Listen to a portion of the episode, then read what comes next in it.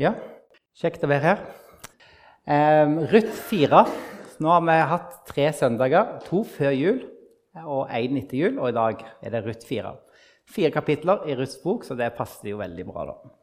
Og jeg syns egentlig det er veldig kjekt å kunne legge ut en sånn bok i Bibelen. Det er sånn som jeg liker, da. Så jeg sier sånn som ungdommen liker. um, ja, Ruths bok. Um, bare kjapt eh, for de som eh, ikke har vært her før. Ruths bok er jo en veldig fin bok. Eh, det, det, pleier folk å nikke når jeg sier. Ikke sant, Trond? Ja. den handler jo om Ruth som gifter seg med en av sønnene til Naomi. Naomi var jo en israelitt fra Betlehem. Hun og Elimelek de dro fra Betlehem til Moab fordi det var ikke brød i Betlehem. Som er litt ironisk, for Betlehem betyr jo brødhuset. Der dro de og var der i ti år. Ulykken skjedde. Mannen døde, og sønnene døde. Igjen satt Naomi med svigerdøtrene sine. Og Så drar de tilbake igjen til Betlehem, mens eh, Orpa hun drar tilbake til Moab. Ruth blir med. For Ruth hun, hun ville være lojal til sin svigermor. Og Det er veldig, veldig vakkert å lese hvor den kjærligheten Ruth har til Naomi. Og eh, Forrige gang så, så vi at eh, kapittel 2 og 3 er på en måte litt parallelle. På en måte, de to historier altså, de er strukturert litt likt. Og det er litt sånn i Bibelen når vi leser, at eh, tekstene det er ikke sånn at de bare satt og skrev liksom, på måfå noe. Det er veldig intelligent, eller veldig smart designa, Bibelens bøker. Det er struktur i dem, og det er ting å der. Så du kan oppdage ikke på første lesning, ikke på andre. Og kanskje når du har lest det 100 ganger, så Hvorfor så ikke jeg det før nå? Sånn er det litt med Bibelen. Det er rikdommer i Bibelen. Kapittel 2 og 3 eh, matcher hverandre ganske bra. Men i dag skal vi holde på med kapittel 4, og det matcher på en måte kapittel 1. I kapittel 1 så eh, var det sånn at det starta med en mengde navn. Da har vi liksom Ruth og, nei, Naomi og Elimelek og så sønnene. Og så kommer svigerdøtrene. Sånn, det er mange navn. Og så eh, foregår det over langt, et langt tidsperspektiv, i kontrast til kapittel 2 og 3, som skjer på en dag, liksom. Og så eh, er det dette med det, det er tomhet. Eh, stor tomhet, død. Det er liksom ganske ille i kapittel 1. Kapittel 2 og så er det eh, to personer som gjør viktige valg i kapittel 1. Og det er Orpa og Ruth. Orpa hun på en måte sier nei til å være med. Det vil si, hun sier jo egentlig ja, for Nordmi sa gå hjem til Moab, for der vil dere få det bra. Men, hun, men Ruth hun velger å bli med. Så det er liksom på en måte ting du kan se der i, i kapittel 1. Så kommer det kapittel 4, som vil matche det. Og nå skal vi lese kapittel 4. Eh, eh, så, så, så, kan dere se om dere kjenner igjen noen av de tingene der fra kapittel 4. Så nå leser vi det. Boas det er altså han, han forløsningsmann, løsningsmannen som de andre kapitlene handler om. Boas gikk opp til byporten og satte seg der. Da kom den løsningsmannen forbi som, hadde, som, han hadde snakket om. Boas kalte ham ved navn og sa, 'Kom hit og sett deg.' Så gikk han dit og satte seg. Boas så seg ut ti menn av byens eldste og sa, 'Sett dere her.' Og de satte seg.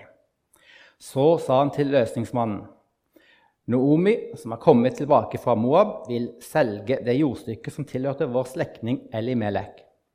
Jeg tenkte at jeg ville gjøre deg kjent med dette og si kjøp det i nærvær av dem som sitter her, og i nærvær av mitt folks eldste. Vil du innløse det, så innløs det. Men hvis du ikke vil, så si det til meg, så jeg vet det. For det er ingen ved siden av deg til å innløse det, men jeg, rett, jeg har retten nest etter deg. Han svarte, 'Jeg vil innløse det.' Da sa Boas, den dag du kjøper åkeren av Naomis hånd, må du også ta Ruth, den moabittiske enken, slik at den dødes navn kan bevares, og jordstykket går videre i arv. Løsningsmannen svarte, da kan jeg ikke løse. For i så fall forringer jeg arven for mine egne barn. Løste du eh, eh, Løs du det som jeg skulle ha løst, for jeg kan ikke gjøre det. Før i tiden var det slik i Israel når det gjaldt innløsning og byttehandel, at for å bekrefte en sak skulle man dra av sandalen og gi den til den andre parten. Slik ble en sak vitnesfast i Israel. Løsningsmannen sa til Boas, 'Kjøp det, du.' Og så dro han av seg sandalen. Da sa Boas til de eldste og til hele folket, 'Dere er i dag vitner for at jeg kjøper av Naomis hånd alt som har tilhørt Elimelek, og alt som tilhørte Kiljon og Malon. Jeg tar også Moabit-kvinnen Ruth, Malons kone, til ekte, slik at den dødes navn kan leve videre og jordstykket gå i arv. Slik vil den dødes navn ikke bli utslettet av hans slekt og glemt i portene på hans hjemsted. Dere er i dag vitner på dette. Alt folket og de eldste som var i byporten, svarte, Ja, vi er vitner. Måtte Herren la den kvinnen som kommer inn i ditt hus, bli som Rakel og som Lea, de to som bygde Israels hus. Vis din kraft i Efrata og vinn deg et navn i Betlehem. Måtte de, måtte de etterkommende som Herren gir deg med denne unge kvinnen, gi deg en ett som etten til Peres, han som Tamar fødte til Juda.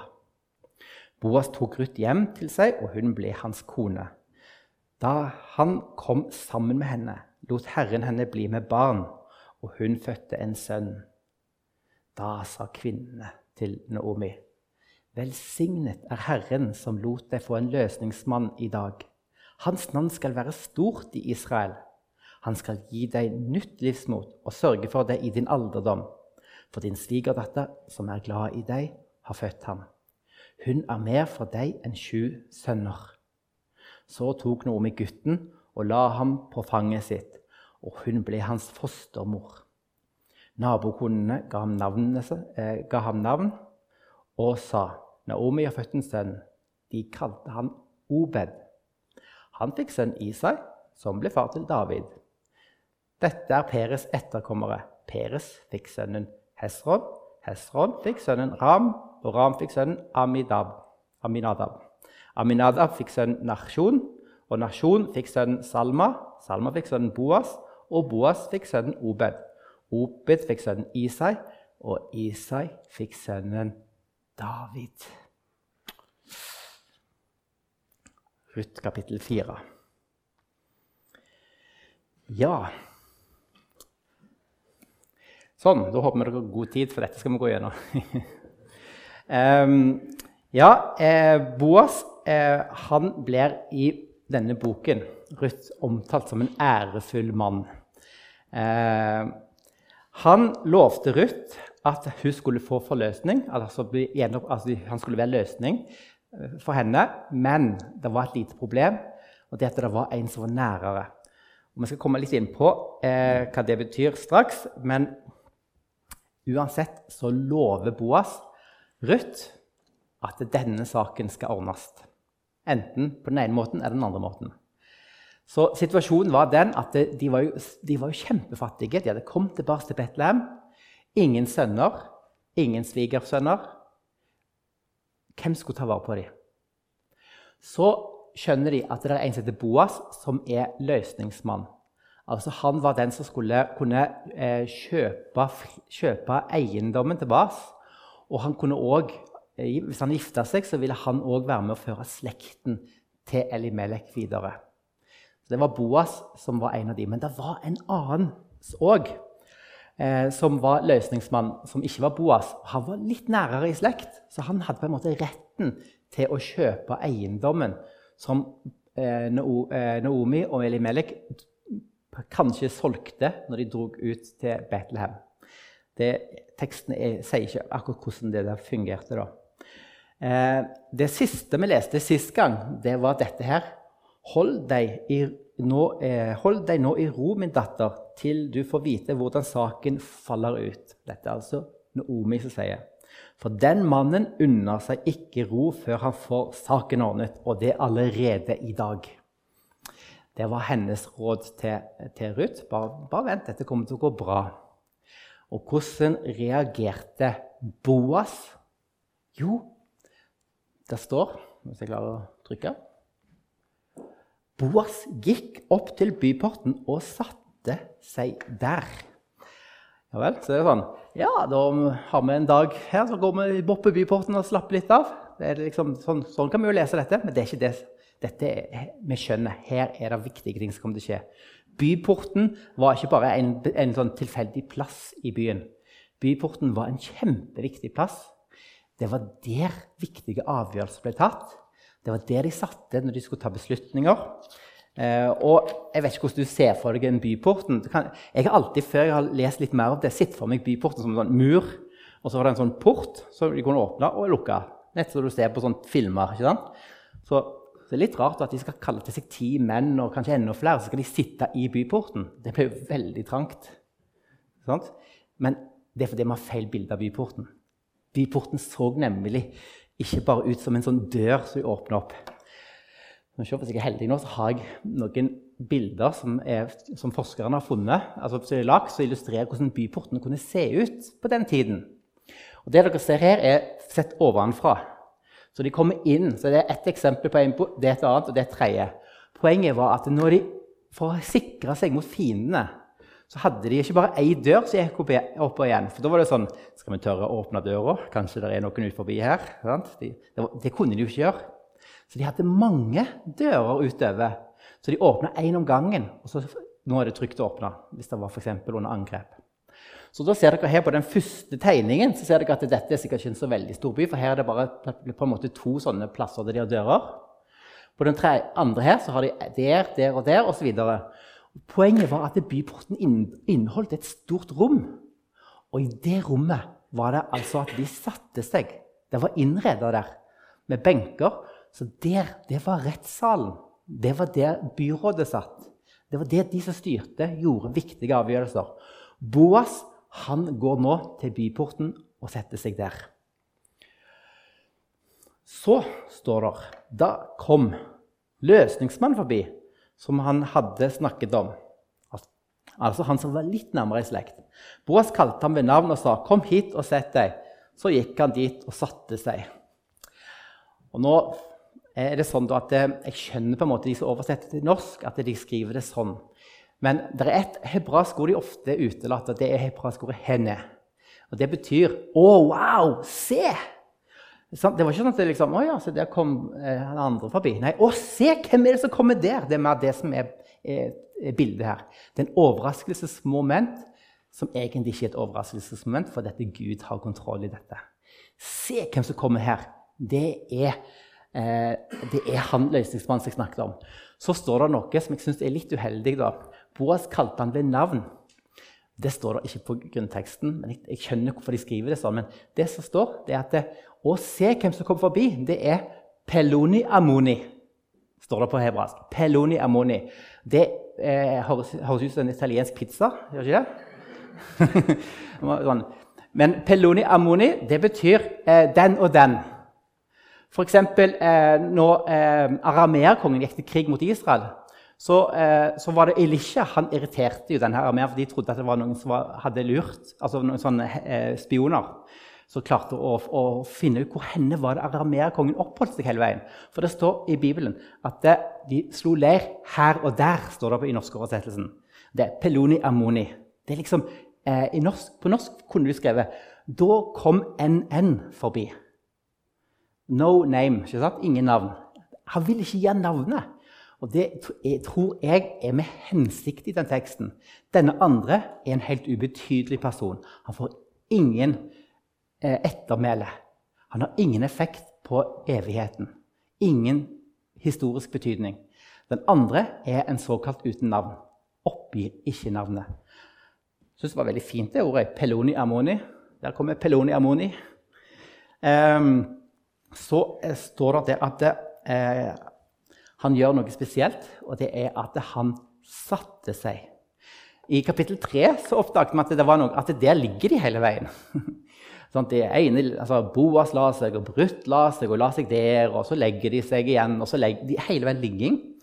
Og det handler litt om eh, intimitet, og at det er Ja, det, det er noe der. Hvis noen lurer på hva jeg mener med det, så får dere høre på podkasten. hvis jeg har glemt hva jeg sa om den teksten der. Det skjedde ingenting usømmelig i kapittel 3. Det kan, vi, det kan vi vite. Men det ligger likevel et spørsmål i luften, da, for å si det sånn. Men i kapittel 4, begynnelsen av kapittel 4, så sitter de sitter alle. Alle setter seg. Og det er, er, sånn at eh, vi, vi bruker òg litt det ordet med å sitte på den måten som de gjorde der. For hva sier de? Retten er satt. Ikke sant? Så det å sitte, da er det Nå skal viktige avgjørelser tas. Eh, vi leser f.eks. Husker dere Jetro? Han syns Moses, Moses, du er galen. Dette klarer ikke du sjøl. For han ville være dommer for hele Israel. Og Da står det faktisk i 2. Mosebok kapittel 18 at Moses satte seg og skiftet rett. Så det å sette seg det betyr at nå, skal det formelt, nå er det av, viktige avgjørelser som skal bli tatt. Det er en dommer som skal gjøre noe. Så Boas så seg ut ti menn av byens eldste og sa, 'Sett dere her.' Og de satte seg. Så de satte seg. Så disse skal nå være vitner på det som kommer til å skje her.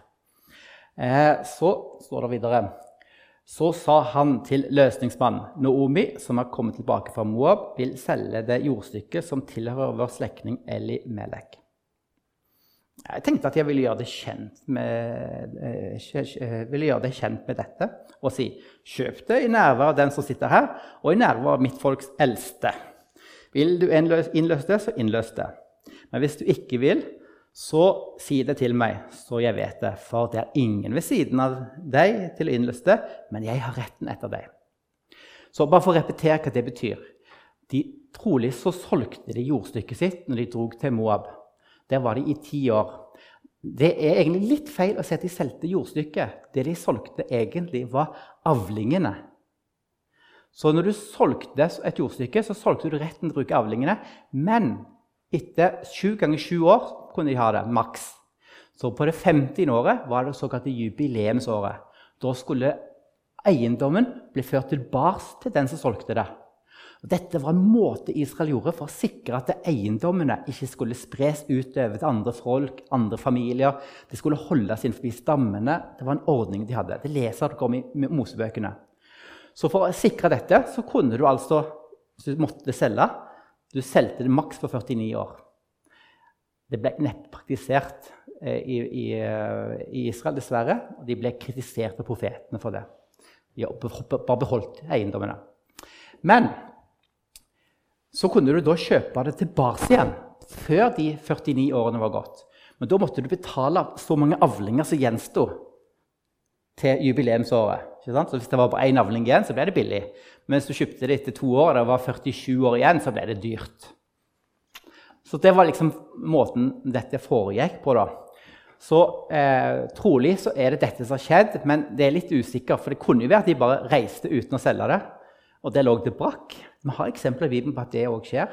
Det er en enke som kommer, hører om en enke som kommer til dommeren og vil ha tilbake eiendommen sin. Eh, eksempel. Og det er trolig noe lignende det som skjer her. Så nå, altså, eh, nå, nå vil denne løsningsmannen ville, Rollen til den var altså å kjøpe tilbake eiendommen, sånn at den forble i slekten. Og her har vi et lite problem. For hvem skulle arve eiendommen egentlig? Det var bare damer igjen i denne familien. Og Det var ingen rettsordninger for det. Døtre var det en ordning om. Det leser vi i, i andre Mosebok. Eh, men ikke svigerdøtre. Så her er det et problem. Så nå sier han her, eh, Boas sier det han her Mr. NN, han ukjente Du kan kjøpe det, du. Ja, kjempegreier, sier han. Det var en bra deal. Derfor sier han jeg vil innløse det. Hoho, nå får jeg enda større eiendom. Jeg vil kjøpe det. Jeg utvider mine områder. Ja, men men da sa Boas her er det en liten hake. Den dagen du kjøper åkeren av Nomis hånd, må du også ta Ruth, den moabittiske enken, slik at den dødes navn kan bevares og jordstykket går videre i arv. Ops. Det vil han jo selvfølgelig ikke gjøre. For Hvis han gjorde det, så betyr det at han brukte sine penger til å kjøpe den eiendommen. Så ville jo ikke hans unger få den, men, men Naomi og Ruths unger få det. Men jeg syns det er litt rart. For vil ikke de ungene være òg løsningsmannens unger? Så jeg tenker at det er litt rart. Men så, uansett så tenkte han sånn. Nei, jeg har min familie, jeg vil ta vare på de. Jeg vil ikke sikre Ruth og, og Naomi sin familie. Det ble bare tapsprosjekt for meg. Så det var en dårlig deal. Så da står det Løsningsmann svarte. Det kan jeg, da kan jeg ikke løse, for i så fall eh, forringer jeg arven for mine egne barn. Løs du det som jeg skulle ha løst, for jeg kan ikke gjøre det. Jeg har, har, kommet til å tenke på hvorfor står egentlig hele denne historien om den andre løsningsmannen her?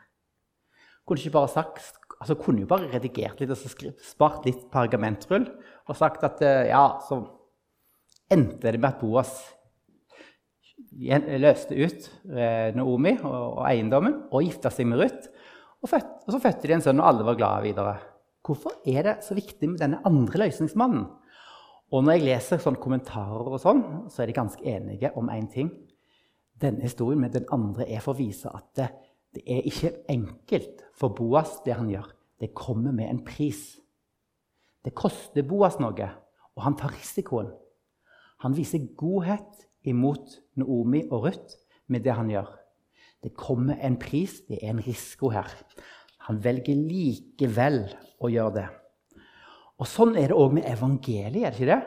Vi kan ofte tenke at det, når jeg var ungdom, så tenkte jeg at jeg ja, hørte om korset, hørte om Gud og sånt. Når Jesus døde på korset, bla, bla, bla. Jeg tenkte ikke så mye over det. Altså, jeg tenkte sånn. Eh, men som, når, jeg ble, når, jeg ble, kristen, så plutselig gikk det opp for meg. Ok, Jesus døde på et kors. En smertefull død.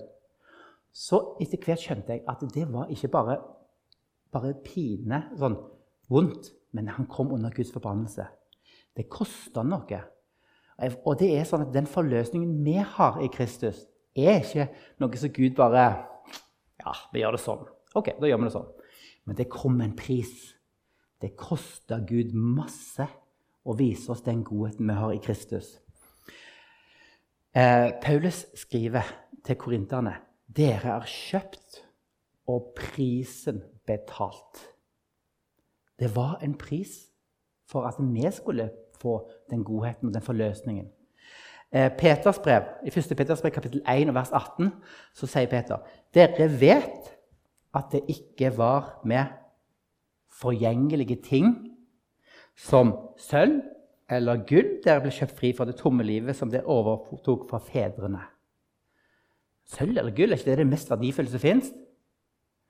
eller iallfall på den tiden, det var med Kristi dyrebare blod. Blodet av et lam uten feil og lyte. Nå er vi jo i, i Ruths bok, og det er på en måte, eh, det er paralleller her. For det, dette her viser, no, ville vise noe av den godheten som peker fram mot den godheten Gud viste til oss i Kristus. Med at han forløste oss fra det tomme livet vi hadde. Den utlendigheten vi var i. Så historien med den andre får fram det. Dette er ikke noe enkel sak her. Boas gjør en virkelig god handling og viser godhet imot Naomi og Ruta. Ok, den saken ordna.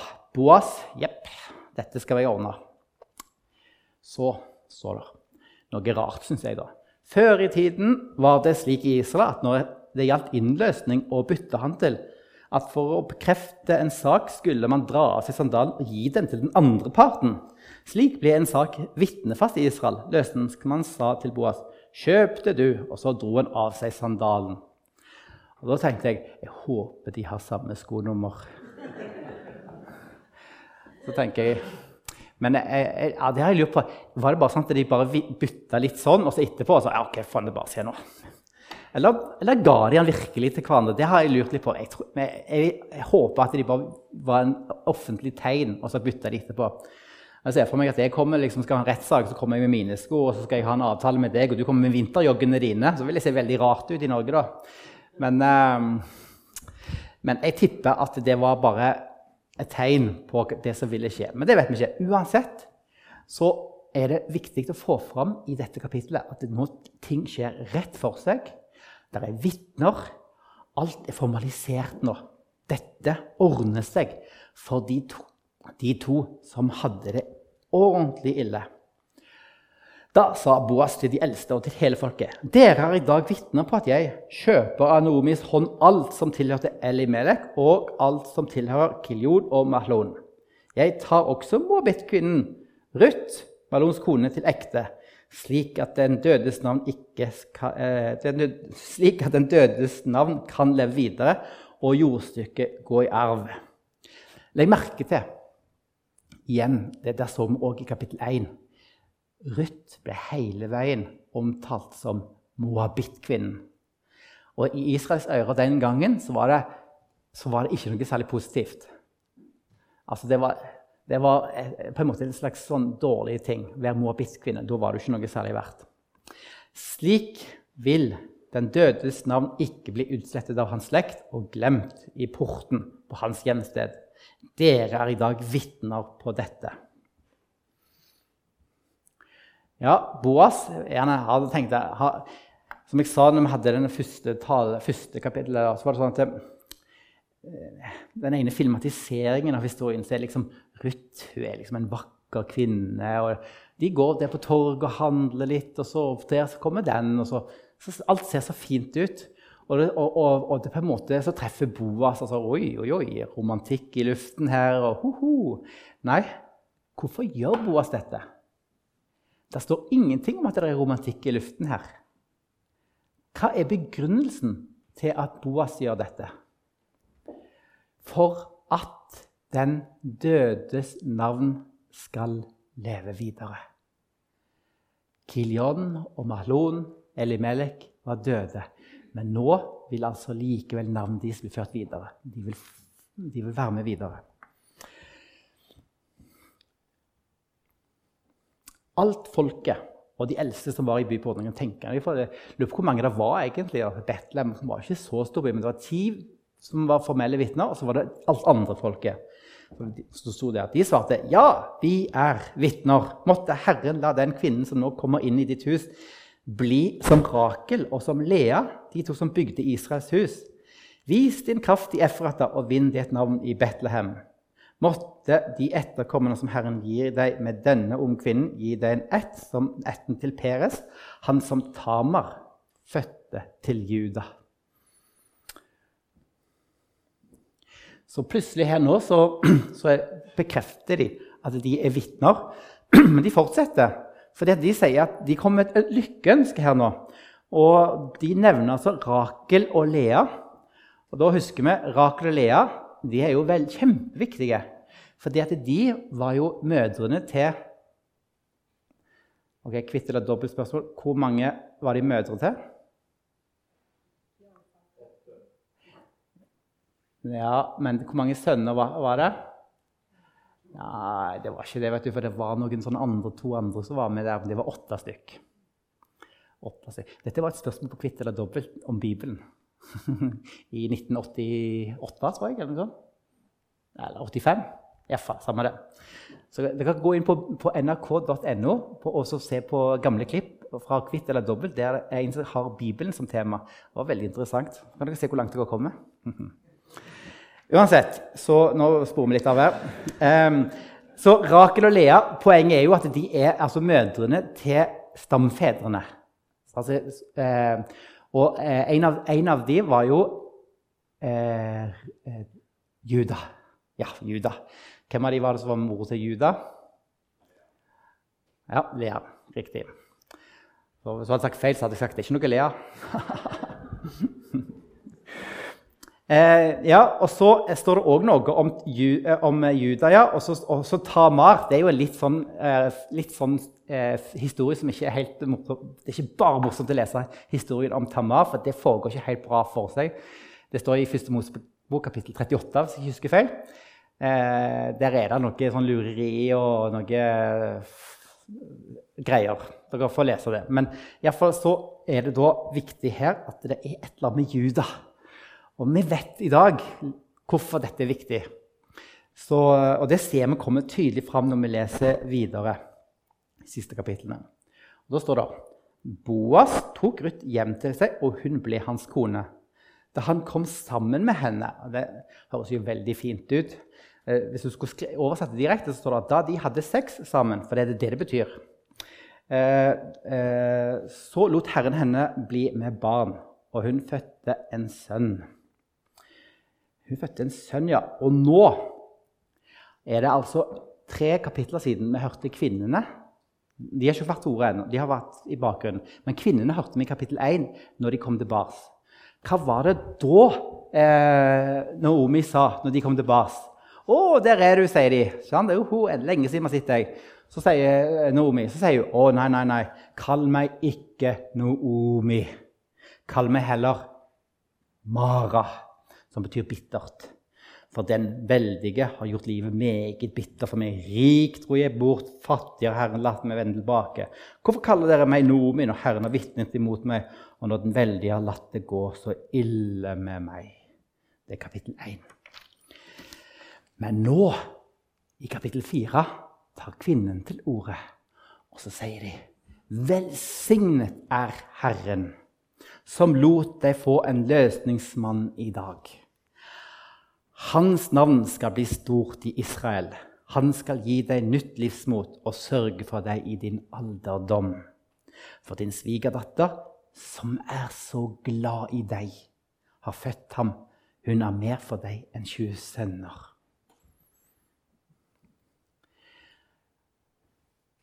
en romantisk fortelling mellom Boas og Ruth ja, De nok, blir nok veldig glad i hverandre, det tror jeg.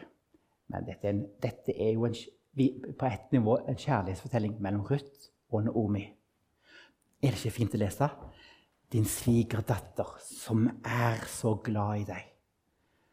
Det er faktisk den eneste plassen det står elsk, 'som elsker deg' i denne boken. Det andre ord, Ellers ble ordet chesed brukt om den godheten som blir vist mellom mennesker en sånn paktsgodhet.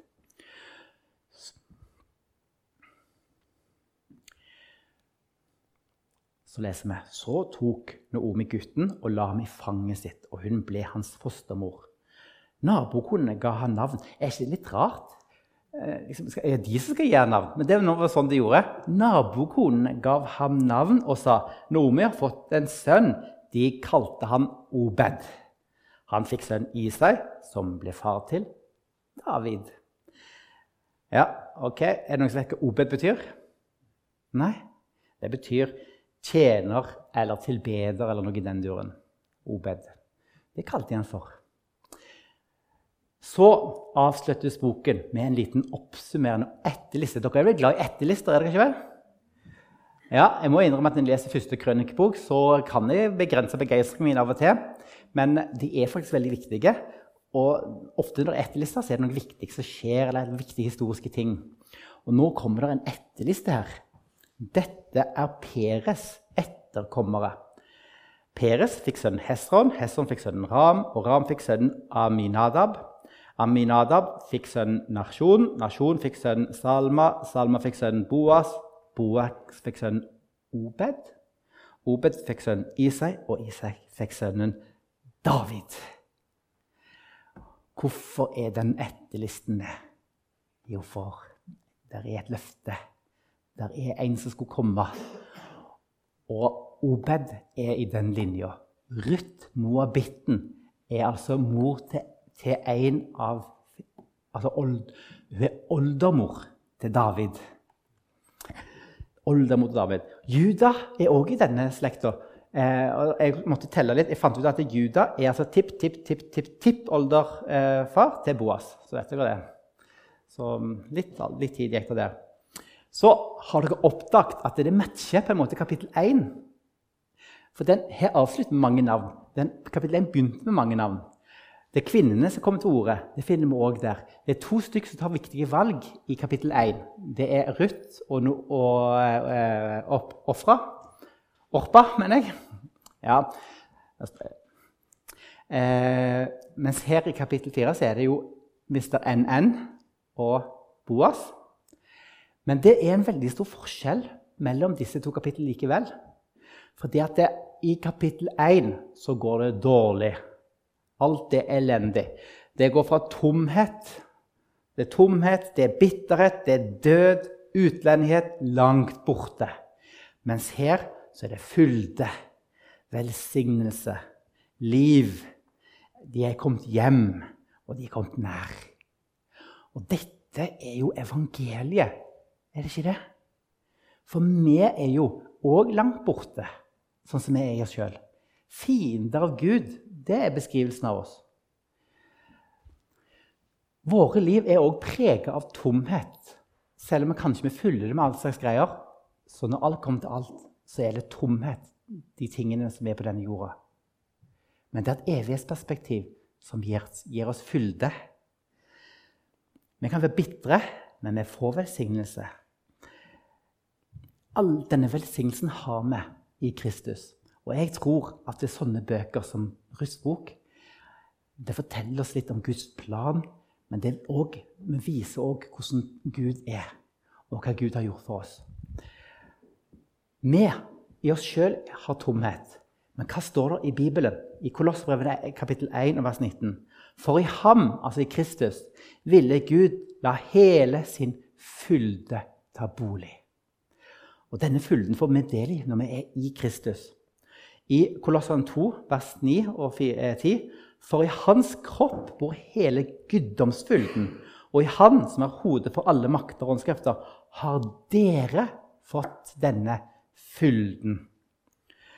Johannes-prologen kjenner dere kanskje litt til. Den er ikke så lenge siden den ble lest i hvis dere fyller kirketekstene. altså tekstene. Det er ikke det første juledag de pleier å lese den.